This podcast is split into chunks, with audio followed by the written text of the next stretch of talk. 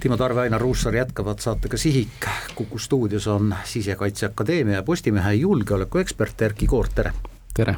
Erkki, pole just tavaline, et eriteenistus peab kinni Euroopa ühe vanima ülikooli professori, nagu seda tehti Tartu Ülikooli rahvusvahelise poliitilise teooria professori Vjatšeslav Morozoviga. talle esitati kahtlustus Eesti vastase luuretegevuse toetamises. kuidas saab ülikooli professor olla kasulik vaenuliku riigi luurele? Oi, väga lihtsalt, äh, noh õnneks muidugi neid professoreid peetakse ikkagi noh, harva kinni ja see on erandlik ja nagu kapo peadirektor Margo äh, Palloson ütles, et, äh, et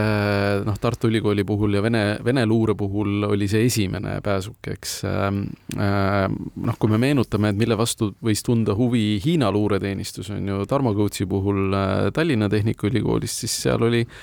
oli võib-olla asi natukene selgem Äh, milleks võib ülikooli professor kasulik olla, ega me täna ei tea, kas äh, professor Morozov värvati või värvati Vjatšeslav Morozov, kellest sai professor. et äh, ehk et ühesõnaga, et kas ta oli luuraja, kes hakkas tööle professorina ja õppejõuna või äh, ta juba töötas äh, mõnes ülikoolis, mis ei pruukinud üldse olla Tartu Ülikool, sest ta, ta oli ju Peterburi ülikoolis, jah? ta on Peterburi ülikoolist, Denveri ülikoolis töötanud, et ta on, tal on äh, pikk akadeemiline karjäär noh, kui vaadata, millega ta tegeles, siis noh, Tartu Ülikool ja Süte instituut müüs teda kui Venemaa ekspertiisi, et, et sinna on ka teisi selle taustaga inimesi võetud ja, ja tegelikult äh, Äh, noh, kaks suunda, eks, mida üks professor sellistel puhkudel teha võib. Äh, ega ma ei ole kahtlustust näinud, eks, aga ma saan äh, lihtsalt järeldada. üks asi on see, et, et asjad, mida, mida ülikool siis teadustöö raames teeb ja teine suund, milline võiks olla potentsiaalsete värvatavate ring ma just mõtlesingi, eh, Kõutsi puhul on ju asi selge ja klaar, et insener-tehnilised erialad ikka pakub tööstusluurele, spionaažile väga suurt huvi, aga Morozov esindab selliseid pehmeid sotsiaalseid väärtusi, Süte instituudi direktor ütles, meil pole midagi salajast, kõik on loengutes, esitlusel materjalid on avalikud, mine raamatukokku võta. et eh, ongi suur mõistatus, et mis oli selle inimese väärtus, aga üldjoontes ega akadeemilised intelligentsed ringkonnad oluliselt laiemad teadmiste baasiga ja selle baasiga ka, kust teadmisi otsida, on selles mõttes üks väga hea materjal välisriigi eriteenistustele ja muidugi on ja kui vaadata, noh, millega ma ütlen, Morozov tegeles, siis äh, ta tegi ka äh, koolitusi Välisministeeriumi ametnikele Aha. Äh, Venemaa tundmise kohta ja kas Eesti luuret huvitaks mõni professor, kes koolitab Vene välisministeeriumi töötajaid, noh, ilmselgelt huvitaks. ja, ja see oli ka kindlasti, see, see ei pruukinud üldse olla värbamise põhjus, et seda, seda ma ei saa kindlasti öelda, et sest noh, nii kapo kui, kui prokuratuur on öeldud, et ta värvati aastaid tagasi, noh, mis võib tähendada kahte aastat, aga võib ka kahtekümmet äh, tähendada, et see tegelikult see koostöö algus pole teada. aga tõepoolest ta selliseid asju tegi ja ja noh, loomulikult huvitab, äh, huvitab siis Venemaad, et, äh, et kui see täna on äh, noor diplomaat, kellele räägitakse, et milline see Venemaa on, siis ühel päeval võib ta olla esimene sekretär, lauaülem või ka noh, Süte instituudist, miks mitte mõne asutuse peadirektor, minister, parlamendiliige. et luuretööd tehakse pika perspektiiviga, et see, et sul oleks ka kümne, kahekümne aasta pärast infot, tähendab seda, et sa pead täna kellegi värbama et sul oleks ja kui sa täna värbad üliõpilase, siis äh, lähema kümne aasta jooksul sa ei pruugi saada mitte midagi kasulikku. aga selleks, et sa kümne aasta pärast hakkaks midagi saama, on sul vaja see töö täna ära teha. konksu otsa on vaja saada. just. ega ta ei juhtunud olema uinunud agent näiteks ei, ei saa välistada, noh, ütleme niimoodi, et, et noh, tänaseks ei ole ka välja öeldud, on ju, et millise luureteenistuse heaks ta töötas, et, et kapo peadirektori sõnul, et töötas ühe heaks kolmest, et FSB, SVR-i või, või sõjaväeluure GRU huvides, noh, väga tõenäoline on see, et see oli SVR poliitiline liin. samas ei saa välistada ka FSB-d, sellepärast et ka FSB-l on oma välisluureosakond nii-öelda lähi, lähivälismaa vaatest nende puhul ja, ja noh, kuna ta töötas Peterburi ülikoolis, äh, võis olla juba tollel ajal äh, näiteks FSB kaastöötaja, siis on noh, väga tõenäoline, et see oli üldsegi FSB. nüüd, et ta päris illegaal oli, et seda ma nagu hästi ei usu, sest äh, tavaliselt Vene luure illegaalina tuleb kas portugallase või hispaanlasena Erkki Koort, on inimesi, kes töötavad luure kasuks, jah, teadlikult luuravad, see on samasugune nähtus nagu, nagu iga teinegi salateenistus mm, läbi aegade. aga on ka selline termin nagu mõjuisik, kes on õigupoolest mõjuisik? nii nagu luuraja on mõjuisik selline tüüp, kellele eks ei ole kunagi otsa ette kirjutatud, et ta seda teeb. tegelikult on see maailm, eks keerulisem on, eristatakse ligipääsuagente ja, ja neid sama mõjuisikuid ja mõjuisiku mõjuisikuid laias laastus on mõjuisik see, kes siis teadlikult ühiskonda või ka mingit poliitikat teatud suunas lükkab, et mõnes mõttes teise riigi lobist kadunud Edgar Savisaare kohta väideti sedasama ja ta tõttas seda igal pressikonverentsil esimesel võimalusel ka ümber lükkama, et ta ei ole mingi mõjuagent ega lobist.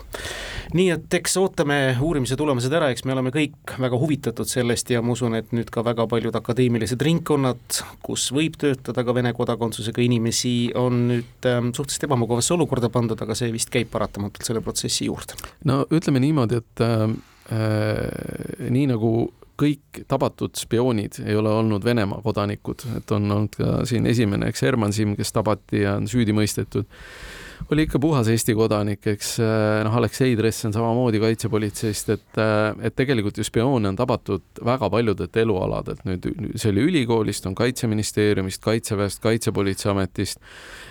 on olnud äriinimesi ja on olnud ka salakaubavedajaid, et tegelikult see huvi, noh, see näitab nagu huvi mitmetahulisust ja noh, tihtipeale me arvame, et, et see Venemaa huvi on suures osas Ukrainas, mis ka kindlasti on tõsi, siis noh, mingid tööliinid seal kuskil allpool töötavad ka ikkagi meie vastu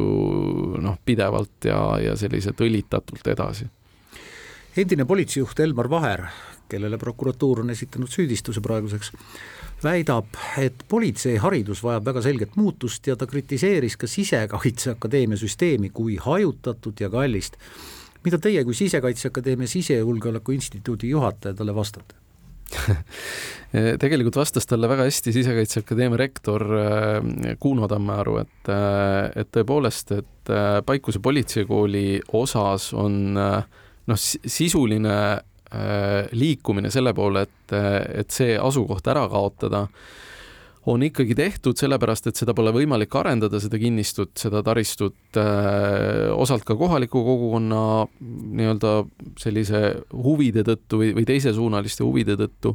ja, ja tõepoolest, et, äh, et mitmes asukohas on kallim pidada. noh, meenutan seda, et Paikuse politseikool sai alguse selle tõttu, et tegemist oli Politseiameti kooliga, mis ühendati Sisekaitseakadeemia alla.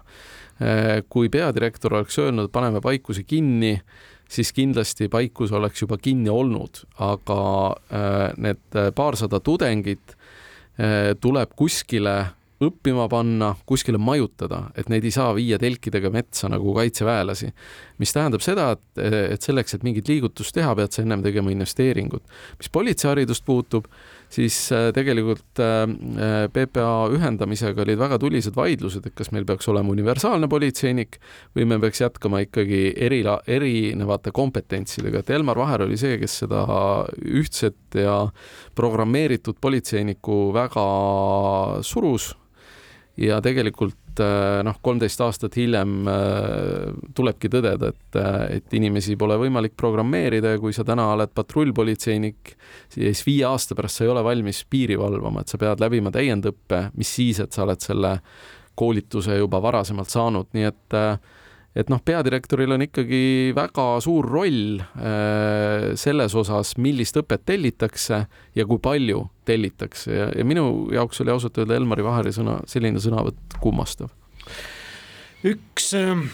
täiesti kannapöördeline teemavahetus, aga ikkagi tahaksime kommentaari saada selle kohta, et lõhe Euroopas on muutunud suuremaks. Slovakkia peaminister Robert Fico teatas eile, et ta toetab Ungari valitsusjuhi Viktor Orbani otsust panna veto viiekümne miljardi euro eraldamisel Euroopa Liidult Ukrainale see veto ja ma ei tea, mida toovad nüüd edaspidised valimised Euroopas väga olulised, aga neid vetosid võib veel tulla, tekitab Euroopa Liidus ilmselgelt siis Ukraina abistamisel probleeme? ja muidugi tekitab selle, selles suhtes, et tegelikult kaks tuhat kakskümmend neli, kakskümmend viis väljakutse on väga suur Euroopale, et mida teha, eh, mida teha selliste riikidega, kes sisuliselt paralüseerivad Euroopa eh, liidripositsiooni, et Euroopa on mõnes mõttes natuke ärganud võrreldes varasemaga ja ja võtmas liidripositsiooni, mis on oluline, sest Euroopas on ikkagi väikesed riigid ja väga väikesed riigid maailma kontekstis. Ja, ja kindlasti on see ühtsus, mida Euroopa peab saama kasutada. Äh, ma arvan, et, äh, et Europarlamendi valimised, mis tulevad, toovad äh, seda radikaalsust Euroopa Parlamenti juurde kindlasti ja juurde ka neid hääli, mis ütlevad, et et Ukrainat ei ole vaja selliselt abistada. noh, kui me meenutame ka Eestis käis äh, nii mõnigi äh, mõnigi siis Riigikogu liigegi välja arvamuse, et, et noh, me oleme üks koma kaks miljardit pannud Ukraina abistamiseks, mida me oleks võinud Eestis teha. Äh, muidugi oleks võinud, aga noh, meenutagem, et süüdi pole mitte Zelenskõi, et me sellest ühe koma kahest miljardist äh, oleme pidanud loobuma, vaid ikkagi Putin,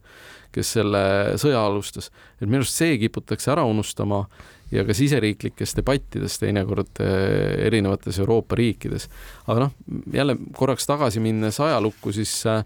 tegelikult oli Slovakkia ju kahe tuhande neljandal aastal väga lähedal sellele, et äh, mitte saadagi NATO liikmeks ja just äh, sarnaste äh, poliitikute tõttu. Erkki Koort, mind teeb tõsiselt murelikuks, et Orbani kõrval on Fitso see, kes räägib mingisugusest teisest meetodist sõja lahendamiseks, et Ukrainat ei tule aidata, et see ainult pikendab sõda kas üha rohkem siis levivad Euroopa Liidu sees ka sellised meeleolud, et ah, taastame olukorra, nagu see oli enne kahekümne neljandat veebruari kaks tuhat kakskümmend kaks, lepime kokku ja nii on? ja kahjuks nii see on ja, ja osalt on äh, probleem selles, et, äh, et Ukraina ei ole suutnud äh, märkimisväärselt tagasi võtta territooriumi, et Ukraina on olnud päris edukas mere ja, ja õhuvõimekuste paralüseerimisel Venemaa kontekstis aga, aga maavägede vastu mitte samaväärselt ja, ja mis seal salata, inimesed harjuvad, et kui see sõda selles faasis algas, siis eh, noh, kõigil oli see, et, et see on ennekuulmatu ja, ja, ja see oligi täiesti teistsugune uus olukord, eks suur sõda Euroopas. kahjuks on eh, väga palju neid, kes on sellega ära harjunud, et asi, millega me ei tohiks harjuda ja tegelikult noh, on küsimus selles, et äh, sõda ei pikenda mitte see, et me Ukrainale anname, vaid sõda pikendab see, et me anname liiga vähe suur tänu tulemast, hea Sisekaitseakadeemia Sisejulgeoleku Instituudi juht, julgeolekuekspert Erkki Koort meile täna stuudiosse. aitäh!